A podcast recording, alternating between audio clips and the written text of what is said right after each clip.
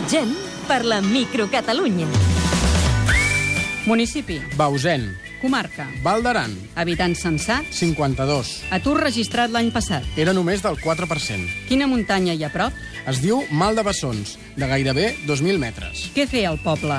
Perdre's per la fageda de Carlac, on s'hi pots fer una bona caminada de dues-tres hores. Qui és l'alcalde? Eugenio Ochoa, de Convergència Democràtica Aranesa. Micronyam. Avui, Edu, ens volies parlar d'uns emprenedors, oi?, que fa pocs anys han creat sidra fet a la mateixa Vall d'Aran. Sí, són en Carles, Ma en Carles Macías Vázquez, veí de Bausen, i el Henning Hert, veí de Les. Tots dos són els impulsors d'Aran de Terra, que des de fa 4 anys han estat donant un nou valor als pomers de la vall, que havien estat una mica oblidats, fent sidra amb les varietats de poma local.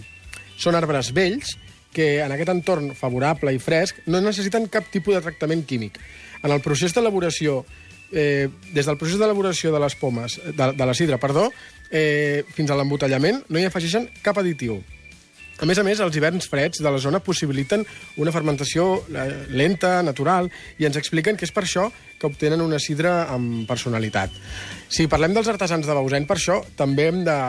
No, no pot ser d'una altra manera, hem de citar a la Carme, que és una artesana eh, que treballa amb la llana d'ovella aranesa, eh, recull la llana de, de les, dels pastors de la zona i la, la carda i en fa teixits i fa, fa treballs amb aquests teixits. També volem, eh, volem, volem anomenar el Mitchell i la Mercedes, que són artesans del vímet que, i la cistelleria, que han tornat a plantar vímet i han recuperat tècniques de cistelleria de gent artesans de la zona, de, i han anat a formar-se, a fer cursos i tal. Fins i tot vam veure que feien una mena de cassoletes amb escorça de cirerer.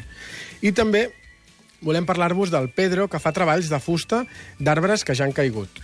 Si us acosteu al poble, eh, us recomanem que, que pregunteu per ells a la taverna de, a la taverna que es diu Era Pajareta, que és un lloc rústic molt agradable i acollidor, que fa de restaurant eh, especialitzat en magret d'ànec i llonganissa casolana i alhora es fa com una petita botiga de queviures. Magret d'ànec i llonganissa casolana. Em sembla que a aquesta hora parlar d'aquestes coses, Edu, no pot ser bo. Quina gana. La microimatge. Eh, la fotografia d'avui és eh, una de les que, de fet, ha tingut molt més èxit al vostre web, al microcatalunya.cat, perquè és la del cementiri, un cementiri molt curiós, el cementiri de la Teresa, de- d'aquest municipi que estem fent avui, de Bausen, eh, que amaga una història molt bonica. Explica'ns-la. I tant. Mira, ens hem de, ens hem de remuntar als anys 20, eh, on hi havia dos joves, eh, el, la Teresa i el Francisco, que vivien a Bausen i que estaven emparentats de grau una mica llunyà. I es van enamorar. I quan es van voler casar, el capellà els hi va exigir una gran quantitat de diners com a dispensa per, perquè es poguessin casar. I encara que no fossin, no fossin gaire propers. Com que ells no tenien cèntims, no es van poder casar, però van viure junts i van tenir fills. Desgraciadament, la Teresa es va posar malalta i es va morir quan només tenia 33 anys. El capellà llavors no va voler acollir a la Teresa al cementiri, de manera que el, el Francisco, pots imaginar, no? Eh, va acabar, estava desolat i aquella mateixa nit els veïns van decidir construir un cementiri civil només per ella. És aquest microcementiri que, que us comentàvem, eh, molt petitonet, on a dins... I, bé, Hi ha la no sé, tomba, jo hi ha la tomba de la són, Teresa, només. Eh, potser fa dos metres per dos metres, o bueno, potser una miqueta més. Sí. 4 per 4. 4 per 4 millor, sí.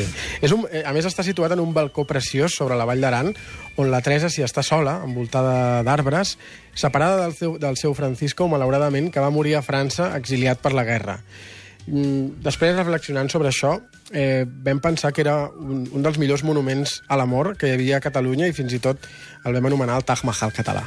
Per tant, és eh, aquest eh, Taj Mahal eh, propi que tenim a la Vall d'Aran, aquest cementiri de la Teresa, eh, que avui us oferim en aquestes imatges del microcatalunya.cat que, que ens porta l'Edu i que tot seguit penjarem al Facebook i al Twitter del programa. Moltes gràcies, Edu. Fins a demà. vosaltres, fins demà.